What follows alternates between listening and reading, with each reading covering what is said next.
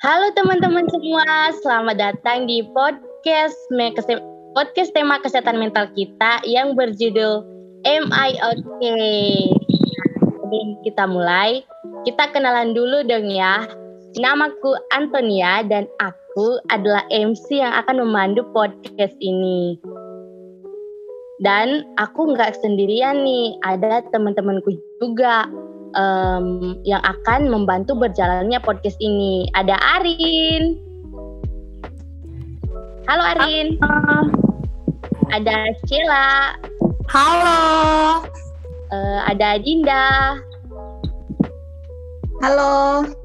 Dan juga ada Casey. Halo Casey. Hey. Nah, tentunya kita udah ngundang pembicara yang keren banget nih Beliau seorang psikolog berpengalaman dan co-founder Asa Berdaya loh. Langsung aja kita sambut Kak Adriana Amelia. Yeay. Selamat pagi semuanya. Nah, selamat pagi Kak. Selamat pagi Kak. Nah, sebelum ke sesi sharing, aku mau memaparkan dulu nih. Kenapa sih kita ngadain project podcast ini? Nah, itu karena kami sadar bahwa isu kesehatan mental ini belum disadari oleh masyarakat secara menyeluruh. Pembahasan kesehatan mental ini juga belum terjamah oleh semua kalangan. Maka dari itu, kami hadir untuk menjamah masyarakat yang sekiranya masih membutuhkan untuk diedukasi perihal kesehatan mental ini. Kami juga ingin mengajak orang-orang yang sudah paham untuk membantu menyadarkan sekitarnya yang masih belum cukup memiliki kesadaran. Terlebih di masa pandemi ini, kita mengalami banyak masalah yang menguras tenaga dan kesadaran kita, yang tentu akan berdampak kepada mental kita sendiri. Terkadang, terkadang pula, kita tidak menyadari jika mental kita turut terbabat dengan segala aktivitas melakukan yang kita lakukan. So, kami ingin membantu teman-teman sekalian untuk lebih sadar kalau mental itu sangat perlu untuk diperhatikan. Oke, jadi tadi itu tujuan kita ngadain podcast ini. Sekarang langsung aja ya Kak ke sesi sharing. Boleh, nah, boleh. Oke, nah dari pengalaman Kakak nih, kenapa sih akhirnya memilih berkarir menjadi psikolog apa yang membuat kakak itu jadi kayak oh ini tuh jalan yang harus aku ambil gitu loh kak Oke, okay. nah pertama pengen jadi psikolog itu aku kayaknya pas SMP deh. Jadi uh, waktu SMP itu senengnya ngedengerin orang tadinya, seneng ngebantuin orang, seneng, seneng ngedengerin orang. Terus pas mau kuliah itu aku mikir aku pengen masuk ke dokteran atau ke psikologi. Terus uh, aku akhirnya memilih ke psikologi karena aku takut darah juga. Jadi kayak ke kedokteran aku nggak mungkin dan terus setelah aku lihat-lihat dan baca-baca kayaknya jadi psikolog tuh menarik ya bisa ngebantuin orang sambil ngedengerin terus orangnya ngerasa lega atau ngerasa lebih baik. Nah itu pas uh, dari SMP sampai sebelum kuliah dan akhirnya setelah masuk ke kuliah psikologi ternyata aku suka dan ternyata aku uh, ngerasa bermakna ya ketika lagi ngerjain uh, pekerjaannya akhirnya aku lanjut deh ke S2 untuk jadi psikolog gitu ceritanya. Oh gitu kak. Bener banget nih. Keren banget kak motivasinya. Nah sesi sharingnya inspiratif dan keren tadi akhirnya membawa kita ke sesi berikutnya nih yaitu sesi tanya jawab Nah di sesi tanya jawab ini bakal dibacakan ikut tadi ya. Silakan guys. Oke, terima kasih Antonia. Jadi kita udah nyiapin pertanyaan-pertanyaan nih Kak. Dirangkum lewat survei yang udah kita adakan sebelum project podcast ini dibuat. Sebenarnya ada banyak banget pertanyaan yang masuk ke kita, tapi udah kita saring jadi beberapa aja. Langsung aja ya Kak, pertanyaan pertama bagaimana ya kak cara kita tahu kalau kita tuh memiliki masalah mental? Karena nggak jarang ada orang yang bingung nih, apakah mentalnya memang sedang bermasalah atau hanya sekedar stres sementara gitu? Nah, iya menarik banget nih ngomongin tentang gimana sih tahu kita mengalami e, uh, masalah kesehatan mental atau enggak gitu ya, atau lagi jenuh atau lagi stres dan lain sebagainya. Jadi uh, pertama-tama aku mau jelasin dulu kesehatan mentalnya itu apa sih sebenarnya. Jadi kesehatan mental tuh kondisi seseorang bisa berfungsi secara optimal pada setiap peran yang ia jalankan dan punya kapasitas diri untuk bisa menyelesaikan masalah yang dihadapi. Maksudnya apa? Maksudnya adalah kesehatan mental itu tentang kondisi orang yang bisa berfungsi secara optimal di setiap peran. Misalkan jadi anak, jadi anak yang uh, benar-benar gitu ya, anak yang sungguh-sungguh, anak yang bisa menjalankan fungsi sebagai anak pertama, anak kedua, anak ketiga dengan baik. Kemudian bisa jadi orang tua yang memang punya fungsi yang baik sebagai orang tua, jadi ketua RT, jadi uh, anak OSIS, jadi anak kuliahan gitu ya, jadi pekerja, jadi atasan, itu bisa memainkan atau melakukan perannya dengan baik gitu dan dapat menyelesaikan masalah yang dihadapi. Nah, kadang-kadang kan dalam hidup ada nih ya masalah-masalah yang kita hadapin kan.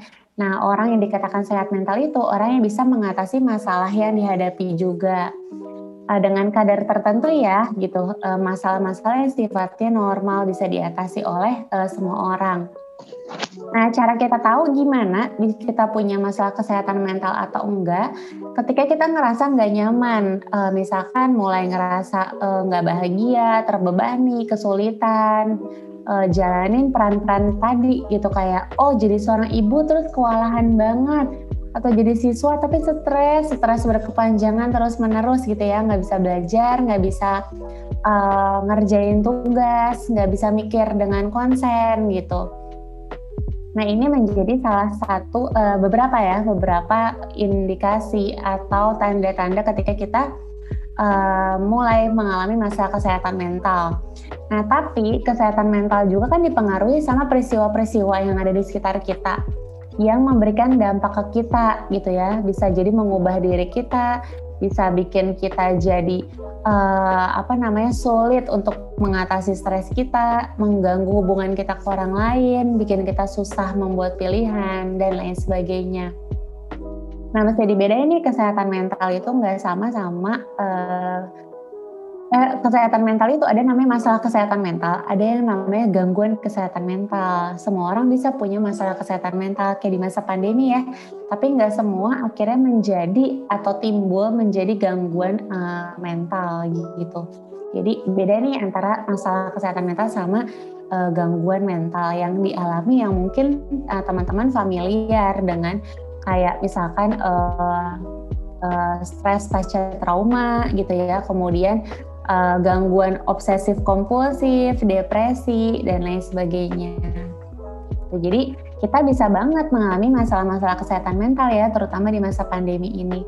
Nah, cara lihatnya adalah bisa dilihat kalau kita stresnya berkepanjangan banget, kadang-kadang tanpa sebab, nggak jelas gitu ya, mati rasa sama lingkungan sekitar, terus ngerasa nggak peduli, uh, menghindar, sering marah berlebihan gitu, kemudian merasa putus asa dan nggak berdaya, sering bingung, khawatir, takut gitu, sulit konsen, cemas berlebihan dalam waktu panjang. Perubahan suasananya kadang-kadang naik turun gitu ya, terus punya pikiran bunuh diri, uh, enggan untuk berrelasi sama lingkungan sekitar, terus nggak bisa atau nggak mampu untuk mengatasi stres di keseharian kita sendiri. Nah mungkin ini uh, ini sudah masuk ke tanda-tanda masalah kesehatan mental yang bisa mengarah ke gangguan mental itu sendiri. Jadi kenali tanda-tandanya beberapanya adalah uh, tanda-tanda itu. Gitu. Oh gitu ya kak. Aku juga baru tahu sih. Ilmu baru banget nih ya buat teman-teman semua. Soalnya aku juga kadang ngerasain yang kayak gitu tuh. Kayak suka bingung kayak aku nih kenapa sih? Bener banget. Oke, aku lanjut ya Kak ke pertanyaan berikutnya. Bagaimana Kak cara mengatasi masalah mental yang sudah terdiagnosa oleh resmi oleh psikolog atau psikiater maupun tidak? Maupun tidak itu maksudnya kan ada juga nih Kak yang walaupun tidak terdiagnosa dirinya merasa ada masalah mental, misalnya trauma mungkin, dan apakah memang masalah mental ini tidak bisa diatasi sendiri, Kak? Dan harus membutuhkan tenaga ahli? Hmm, oke, okay. pertanyaan menarik nih. Banyak orang yang kayak jadi ah enggak deh ke psikolog aku ngatasin sendiri aja gitu ya. Nah, sampai batas mana kita bisa ngatasin sih buat diri kita sendiri? Nah, yang pertama adalah tadi kalau pertanyaannya lebih ke arah gimana cara ngatasin mental yang udah terdiagnosa ya, masalah dan gangguan mental yang udah terdiagnosa.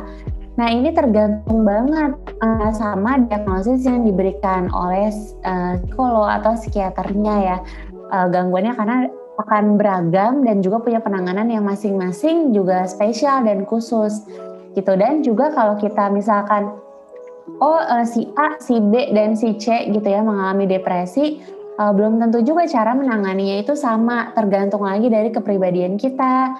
Masalah yang bikin kita depresi kayak gimana. Terus apakah kita uh, punya resource-resource atau sumber daya untuk membantu diri kita di kondisi sekarang ya? Pasti beda banget. Kalau orang yang mengalami depresi uh, misalkan dia hidup dalam keterbatasan gitu ya dan tidak paham tentang depresi itu apa. Misalkan di daerah-daerah terpencil masih ada tuh yang dipasung dan lain sebagainya. Nah, sama penanganan depresi yang mungkin orangnya sudah lebih memahami gitu ya, eh, terpapar dengan media sosial sehingga bisa baca-baca tentang depresi. Ini pasti akan beda banget juga eh, apa yang akan disarankan oleh psikolog atau psikiaternya ya untuk bisa membantu dari lingkungan sekitarnya juga. Selain tentunya mungkin pengobatan-pengobatan dan arahan-arahan yang secara khusus memang ditujukan ke gangguan kesehatan mentalnya.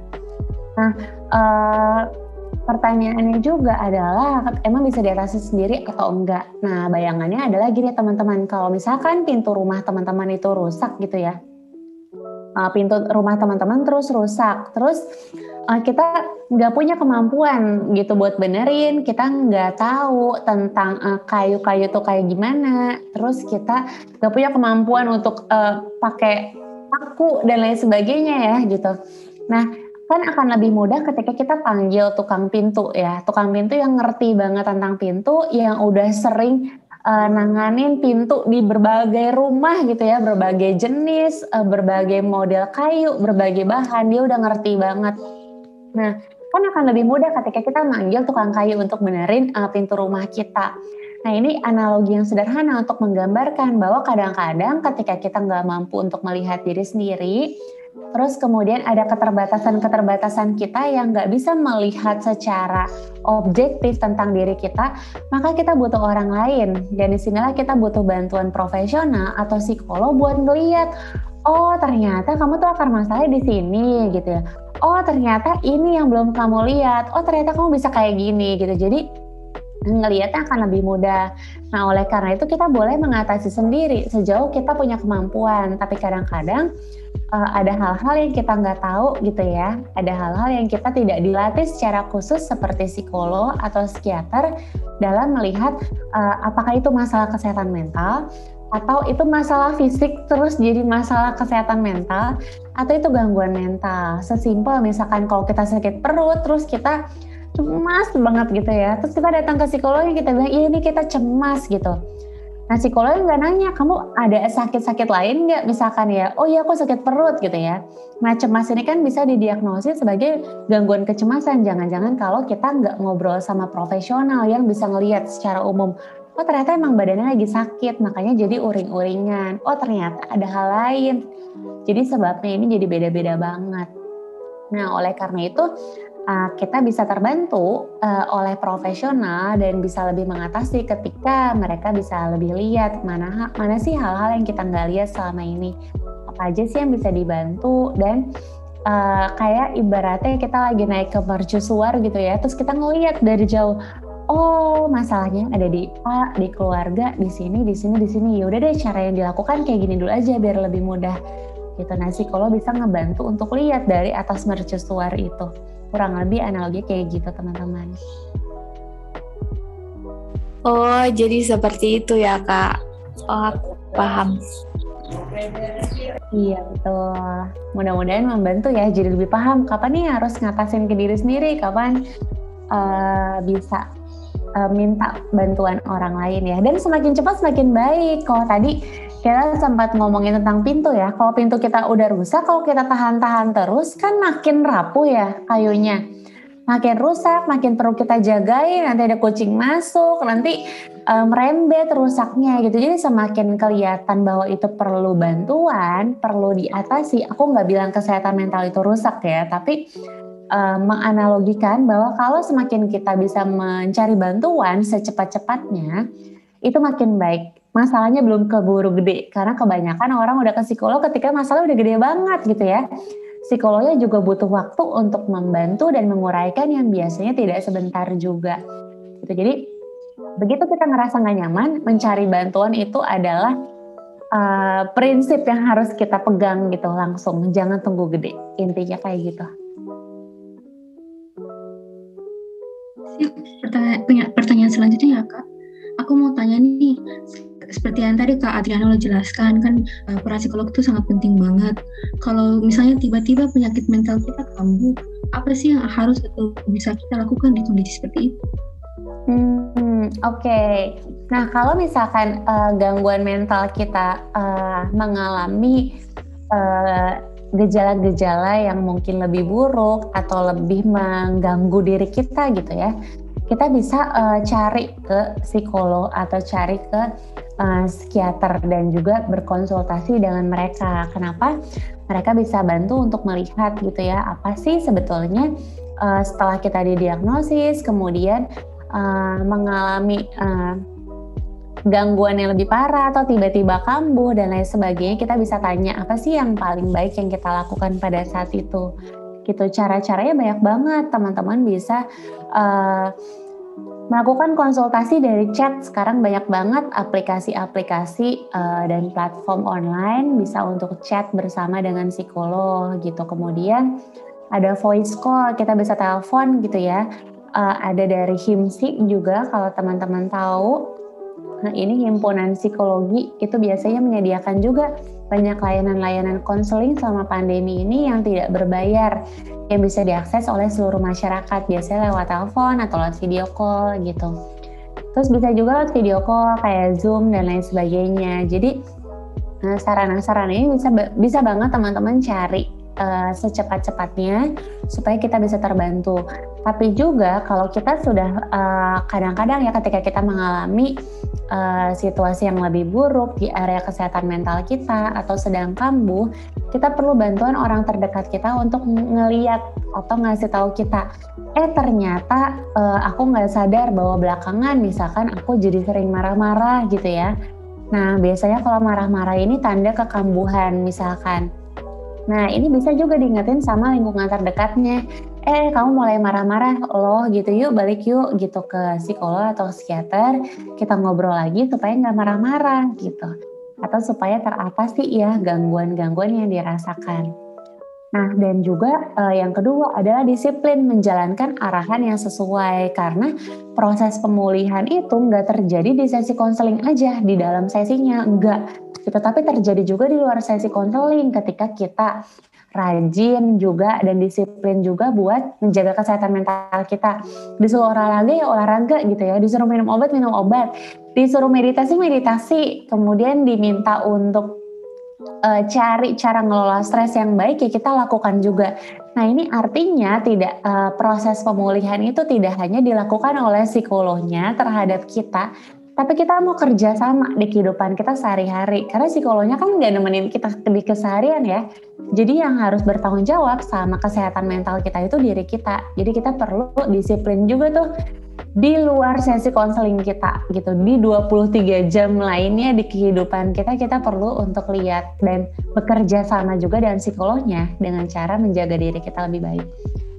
Gitu Benar Kak, setuju Kak.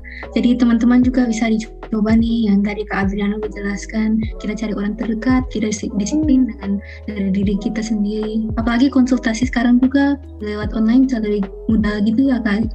Iya benar, jadi mempermudah banget ya. Jadi sejauh niat kita nih untuk bisa membantu kesehatan mental kita karena sekarang aksesnya banyak banget dan dari yang gratis sampai yang bayarnya itu tidak berat biayanya ya uh, mungkin sesuai sama uang jajan teman-teman juga terutama yang sekolah yang kuliah gitu. Sampai yang mungkin uh, biayanya agak mahal karena uh, psikolognya udah 10 tahun praktek gitu ya punya sertifikasi banyak.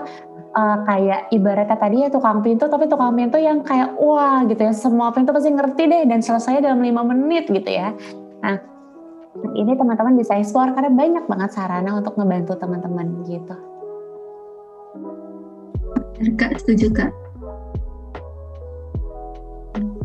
Oke ya Kak, aku lanjut ke pertanyaan selanjutnya. Apa sih Kak yang harus uh, kita lakukan saat menghadapi orang-orang yang meremehkan kesehatan mental itu, Kak. Karena nggak jarang ada orang yang beranggapan bahwa kita itu hanya baperan atau menganggap itu hanya mood swing dan juga ada yang mengatakan bahwa kita ini masih muda ya, Kak. Jadi nggak usah lah sok-sok depresi gitu, Kak. Oke, aduh ini pertanyaan yang sering banget aku denger ya, kayak kenapa sih depresi? Hidupnya baik-baik aja gitu ya. Kenapa sih kamu masih SMP stres amat orang kerjanya cuma sekolah gitu ya atau masih kecil udah pusing terus gitu ya. Nah, aduh emang kalau diomongin kayak gitu nggak enak banget ya teman-teman dan kita uh, perlu untuk tahu cara menghadapinya. Nah, pertama-tama banyak banget orang yang bilang be yourself ya. Jadilah diri kamu sendiri, jadilah diri kamu yang terbaik gitu. Padahal nggak sedikit orang yang susah menerima diri kita apa adanya ketika kita jadi diri sendiri, ya nggak? Nah, ketika jadi diri sendiri, orang malah jadi ngejudge, malah jadi menilai kita, malah jadi merendahkan kita itu nggak sedikit gitu. Jadi uh, anggapan ini juga banyak kontranya ya. Kita di satu sisi disuruh jadi diri sendiri, pas jadi diri sendiri nggak ada yang nerima nih, atau kita malah uh, dikatain tadi ya, dikatain baper, dikatain mudah kena mental dan lain sebagainya. Nah, uh, yang bisa kita lakukan adalah pertama teman-teman aku adalah jagonya tutup telinga. nah kita harus bantu juga diri kita sendiri buat jago untuk tutup telinga sama orang-orang yang nggak paham gitu ya. Kayak kalau mereka aja nggak paham, gimana proses ngobrol itu, proses menjelaskan, proses saling memahami itu bisa terjadi. Nah susah banget memang jadinya terjadi. Jadi yang pertama adalah kalau kita mengalami hal tersebut, kita bisa yang pertama tutup telinga dulu sama hal-hal itu, gitu ya, eh, terhadap stigma-stigma, terhadap judge uh, dari orang lain tentang keinginan kita untuk pulih gitu. Mereka kadang-kadang juga bukan nggak pengen kita jadi lebih baik atau lebih pulih ya.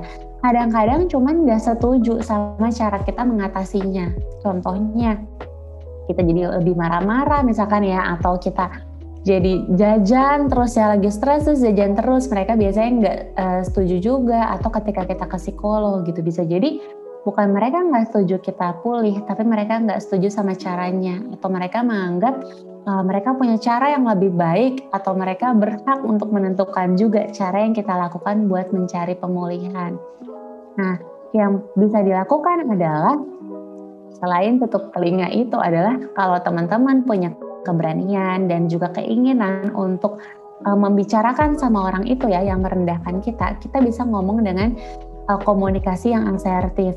Contohnya adalah komunikasi yang uh, tidak menyakiti orang lain, tapi juga bisa mengungkapkan keseluruhan perasaan kita tuh kayak gimana sih sebenarnya ketika mereka uh, merendahkan kita atau bilang kita baper.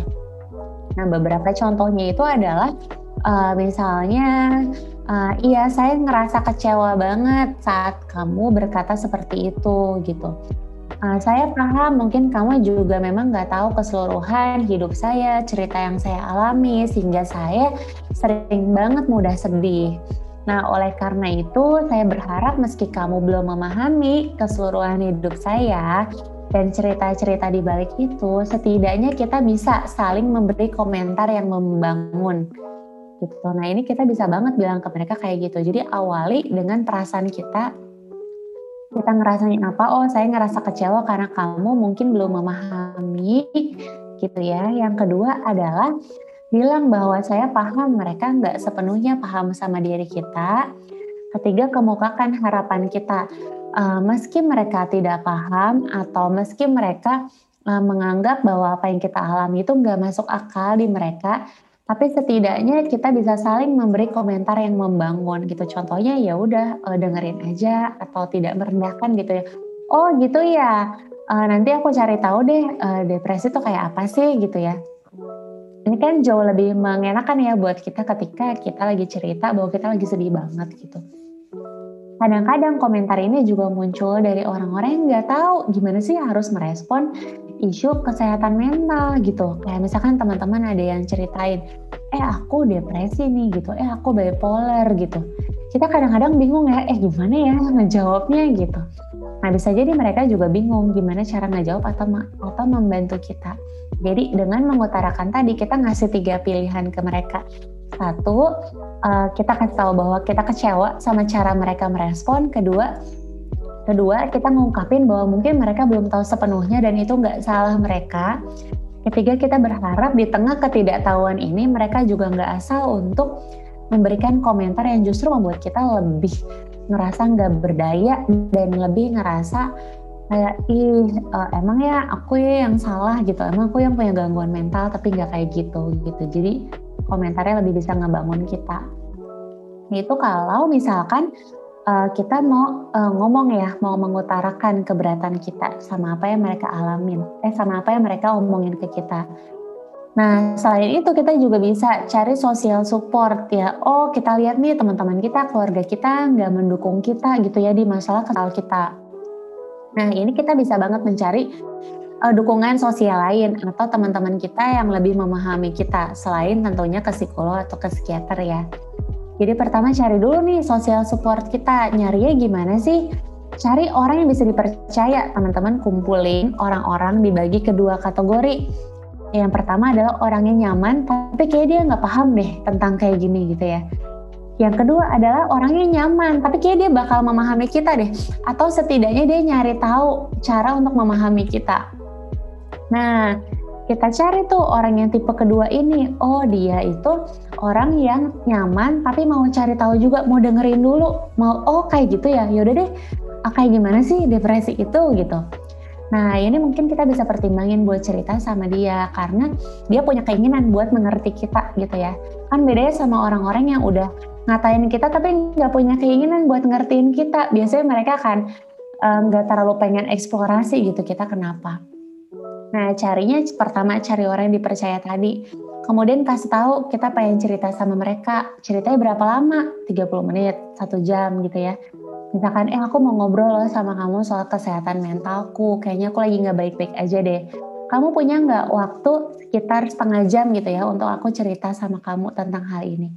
Nah dengan nanyain jam ini membuat uh, orang lain tuh bisa mengukur oh kira-kira nih 30 menit nih dia akan ngomongin hal yang mungkin berkaitan sama kesehatan mental kita. Mungkin sensitif banget buat dia atau sesuatu yang aku harus siapin bener-bener waktuku. Jangan sambil aku sambil main HP gitu ya.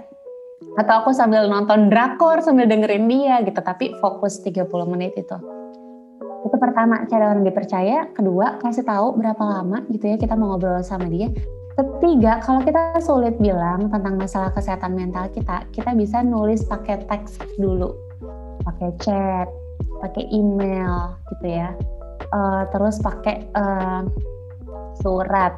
Itu teman-teman bisa bikin juga. Biasanya kalau kita tulis kita tuh bisa lebih ngalir ya. Dan kita nggak deg-degan ketika ngomongin depan orangnya langsung gitu terus kita bisa lihat eh enggak deh enggak kayak gini kita bisa hapus lagi kita bisa salin lagi. Jadi kita lebih siap lah ya buat mengutarakan. Itu keempat kita bisa share-share juga tuh bacaan-bacaan yang kita uh, baca gitu. Kayak eh aku baca nih tentang depresi kayaknya ini aku deh gitu.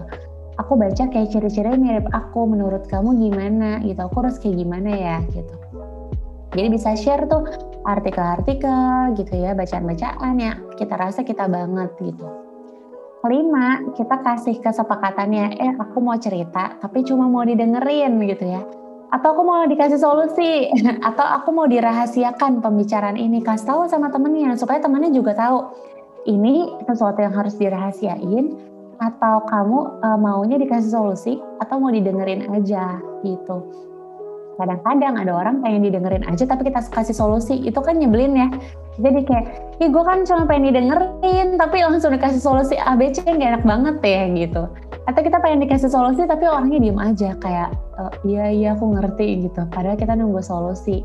Atau kita maunya dirahasiain tapi karena dia panik sama kondisi kita dia kasih tahu deh teman-teman kita eh, eh dia lagi ngalamin ini deh kayak depresi deh kasih tahu ke semua orang. Kan kita nggak nyaman juga ya.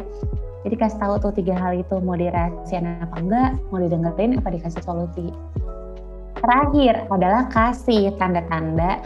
Kita tuh udah lebih memburuk atau membaik ke orang itu. Contohnya adalah kalau aku tiba-tiba nggak balas chat kamu tiga hari itu berarti aku lagi nggak baik-baik aja gitu. Kalau aku mulai uh, insta storyan lagi mulai ngepost lagi di medsos mulai tiktok kan berarti kondisiku udah lebih baik. Nah kasih tahu ke orang itu supaya orang itu bisa ngebantuin kita. Dan tahu tanda-tandanya hmm ini kayaknya dia udah lebih parah deh ini kayaknya dia udah membaik deh gitu jadi dia bisa bantuin kita gitu beberapa caranya teman-teman. Jadi teman-teman bisa pilih sesuai dengan kenyamanan atau keinginan teman-teman. Oh iya kak, benar banget. Sesuai dengan yang Kak Adriana bilang tadi ya, kita harus uh, berani mengutarakan perasaan dan juga uh, lebih jago untuk tutup telinga dan mencari support uh, sosial support gitu. Ya jadi buat teman-teman yang dengerin podcast ini bisa banget loh buat dicoba dan diterapkan dalam kehidupan sehari-hari. Oke, lanjut. Oke, lanjut. Ini ada pertanyaan yang lumayan hmm, lumayan mind blowing gitu loh, Kak. Jadi pertanyaannya gini, bisa nggak sih Kak uh, masalah mental itu sembuh dengan waktu? Banyak banget nih quotes-quotes ya yang suka repost repost quotes uh, uh, apa namanya biasanya uh, waktu itu menyembuhkan gitu ya. Teman-teman, ini uh, satu menurut aku pribadi ya ini sebuah mitos juga waktu itu menyembuhkan. Jadi sebenarnya waktu tuh nggak menyembuhkan. Masalah kesehatan mental itu bisa pulih karena keterbukaan kita, upaya kita mencari bantuan dan kita bersabar dalam proses pemulihan. Karena proses pemulihan itu nggak sebentar gitu ya, nggak selesai dalam waktu satu jam konseling, nggak selesai dalam satu hari, kadang bisa berminggu-minggu, berbulan-bulan, bahkan bertahun-tahun. Jadi menurut aku waktu itu bukan menyembuhkan, tapi keterbukaan kita, upaya kita nyari bantuan, sama kesabaran kita di prosesnya itu yang membantu kita untuk pulih. Nah, hal-hal ini butuh usaha dan kerjasama dari diri kita. Nah, namun sering kali usaha dan kerjasama ini adalah diukur dari waktu gitu ya. Seberapa kita makin paham tentang kesehatan mental kita. Nah, ini kan butuh waktu ya. Nyari tahu uh, setiap hari, kemudian bertambah lagi pemahaman tentang diri kita yang sering kali emang butuh waktu. Nah, jadi bukan waktunya yang menyembuhkan, tapi kematangan diri kita buat mau nyari bantuan, kemudian menerima bantuan itu dan mau bekerja sama atau berusaha untuk membantu diri kita untuk jadi lebih baik. Itu yang paling ngebantu kita karena mau sesi konselingnya berapa kali pun, kalau kita nggak mau kerja sama untuk disiplin, uh, di isu kesehatan mental kita, mau ngatasin stres, mau ubah cara-cara kita mengatasi masalah kita, itu nanti juga akan percuma karena uh, di kehidupan yang aslinya, di realita kita, kita sedang tidak kerjasama dengan diri kita sendiri untuk membuat diri kita lebih baik. Gitu. Jadi itu mitos ya, waktu menyembuhkan itu mitos. Yang nyembuhin adalah usaha dan keterbukaan kita dan kesabaran kita buat berproses. Oh iya, ternyata seperti itu teman-teman. Menurut aku juga uh, masalah mental itu, apalagi nih ya yang udah parah, itu nggak bisa sembuh dengan waktu gitu aja. Jadi tetap perlu buat mendatangi tenaga kesehatan yang ahli nih untuk dilakukan pemeriksaan lebih lanjut ya teman-teman. Sama juga butuh koordinasi dari diri kita sendiri juga gitu kan kak? Ya betul banget, setuju. Oke, okay. pam pam pam. Oke, pertanyaan last but not least nih kak. Pertanyaan yang banyak banget ditanyain waktu kita survei. Pertanyaannya, bagaimana nih kak cara untuk menjaga kesehatan mental agar masalah mental kita nggak mengganggu keseharian kita? Jadi kayak lebih ke pola hidup sehat. Mental itu gimana sih kak? Oke, pertanyaan yang menarik nih teman-teman. Apalagi uh, isu kesehatan mental sekarang lagi sering banget dibicarakan ya terkait dengan masalah-masalah di, ma di masa pandemi. Nah, pertama itu adalah kita punya uh, punya modal atau punya keterampilan buat mengelola stres. Karena keterampilan buat mengelola stres itu nggak cuma dibutuhin pas kita lagi pandemi aja, tapi nabungnya udah dari lama. Kalau dari lama kita tahu cara mengelola stres, ketika pandemi kita jadi nggak terlalu stres. Karena kita udah punya modal, kita udah sering latihan juga.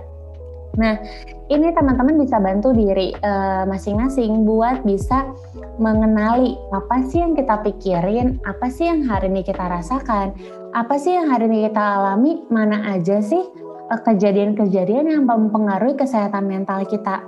Nah, pertama ngenalin itu dulu semua gitu ya. Setelah kita ngenalin, kita belajar untuk punya keterampilan mengelola stres. Contohnya adalah di keseharian atau di rumah ya. Hal-hal apa aja nih di rumah yang bisa membuat kita punya energi lebih gitu ya. Contoh, oh uh, aku tuh berenergi di rumah atau aku tuh uh, jadi lebih jadi lebih sehat mental ketika ngobrol sama adekku gitu ya. Oh, aku lebih sehat mental ketika um, main sama binatang peliharaan di rumah. Aku lebih sehat mental ketika aku ketawa-ketawa sama temenku. Nah ini harus dikumpulin teman-teman karena jadi uh, modal atau jadi aktivitas-aktivitas kecil di keseharian yang ternyata bisa membantu kesehatan mental kita. Nah, perbanyak aktivitas-aktivitas ini yang tentunya berguna buat kita, tapi juga membantu kesehatan mental kita. Dan kemudian di keseharian juga teman-teman bisa jaga pola makan ya. Jaga pola makan kenapa? Karena uh, pola makan itu ada kaitannya sama hormon kebahagiaan gitu. Teman-teman nanti bisa cari di penelitian-penelitian Harvard ya. Kalau aku tidak salah itu sekitar 70% sampai 90% gitu ya hormon kebahagiaan itu dihasilkan di usus kita gitu. Nah, kenapa tuh di usus? Karena ternyata usus kita memproduksi Nah, mereka kan punya bakteri-bakteri baik ya, dan bakteri-bakteri baik ini di usus menghasilkan atau membantu menghasilkan hormon kebahagiaan kita. Jadi itu dia kenapa kalau orang makan es krim nggak bisa marah gitu ya. Karena uh, lagi makan yang manis-manis itu bakteri baiknya lagi bakteri-bakteri di perutnya di ususnya tuh lagi seneng karena menerima makanan-makanan yang uh, menyenangkan hati. Tapi tentunya kalau makan es krim terus juga nggak sehat ya. Jadi nanti bisa dilihat tuh makanan-makanan sehat, sayur-sayuran, yogurt, itu ya probiotik, itu bisa membantu kesehatan mental. Terus juga pola olahraga gitu ya. Ketika kita stres, kadang-kadang tubuh kita menyimpan energi stres itu. Oleh karena itu baik banget kalau kita punya waktu buat olahraga atau body movement. Body movement itu semua gerakan yang nggak mesti olahraga. Joget-joget, pindah-pindahin barang gitu ya. Pokoknya yang badannya bergerak secara bebas gitu. Nah ini bisa ngebantu kita buat meredakan stres kita juga. Kemudian uh, itu pola makan, pola uh, pola makan, pola olahraga, pola tidur juga tidur yang cukup gitu ya. Kemudian punya kemampuan mengatasi stres. Kemudian bisa list aktivitas-aktivitas yang menjadi sumber energi kesehatan mental kita saat ada di rumah gitu ya tadi sesimpel mandi misalkan atau e, berkebun atau ngobrol sama adik atau main sama binatang nah itu kita kumpulin gitu kita perbanyak supaya kita bisa lakukan dengan lebih sering kemudian juga adalah uh, tunjukkan uh, belas kasih atau compassion atau welas kasih ya ke diri kita sendiri sehingga saat kita merasa terpuruk, saat kita merasa nggak berdaya, merasa kehilangan harapan di masa sekarang, kita juga bisa tetap merasa berharga dan merasa tetap berdaya versi diri kita sendiri. Jadi kalau kita lagi stres, lagi overthinking, jangan memusuhi diri kita kayak kenapa sih kita overthinking gitu ya. Ini kan kayak lagi musuhin diri ya.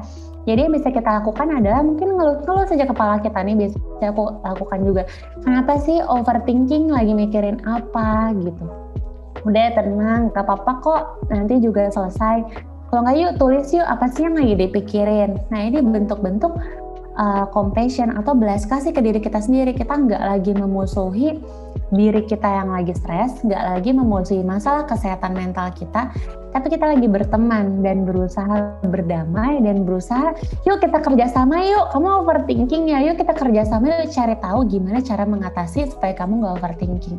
Gitu. Jadi menjadi sahabat bagi diri sendiri itu penting banget dan itu jadi modal seumur hidup kita. Kenapa jadi modal seumur hidup? Karena stres nggak cuma di masa pandemi, Tapi di kehidupan kita nanti bakal banyak banget situasi yang mungkin bikin kita stres juga gitu. Wah, tips yang bermanfaat banget nih. Nah, teman-teman yang udah nanyain ini kemarin, bisa banget ya buat diterapin. Oke Kak, sekian dulu sesi pertanyaannya. Aku kembalikan ke Antonia ya. Wah, keren banget. Terima kasih ya teman-teman semua yang udah bacain pertanyaan-pertanyaan tadi. Jawaban-jawabannya juga sangat memuaskan dan menambah ilmu banget ya. Akhirnya nggak kerasa kita udah di penghujung podcast nih. Aku mau ngucapin banyak-banyak terima kasih buat Kak Adriana yang udah mau menyempatkan waktunya untuk sering bareng kita semua. Terima kasih banyak ya Kak. Karena sama-sama teman-teman, semoga terbantu dan sehat-sehat selalu ya. Jangan lupa untuk memperhatikan kesehatan mental diri kita sendiri. Iya kak, karena kakak juga kita dapat banyak ilmu yang baru dan bermanfaat banget. Dan terima kasih banyak juga buat teman-teman yang udah dengerin podcast ini sampai habis. Semoga menambah manfaat buat teman-teman semua ya. Eits, tapi ternyata kita nggak sampai di sini aja loh kita masih ada satu podcast lagi nih sama orang hebat lainnya. Penasaran nggak? Penasaran nggak? Penasaran lah masa enggak? Oke, aku Antonia undur diri. Jangan lupa like and share. Jangan lupa juga jaga kesehatan. Semoga podcastnya bermanfaat. Together we share and we care. Dadah. Dadah. Dadah.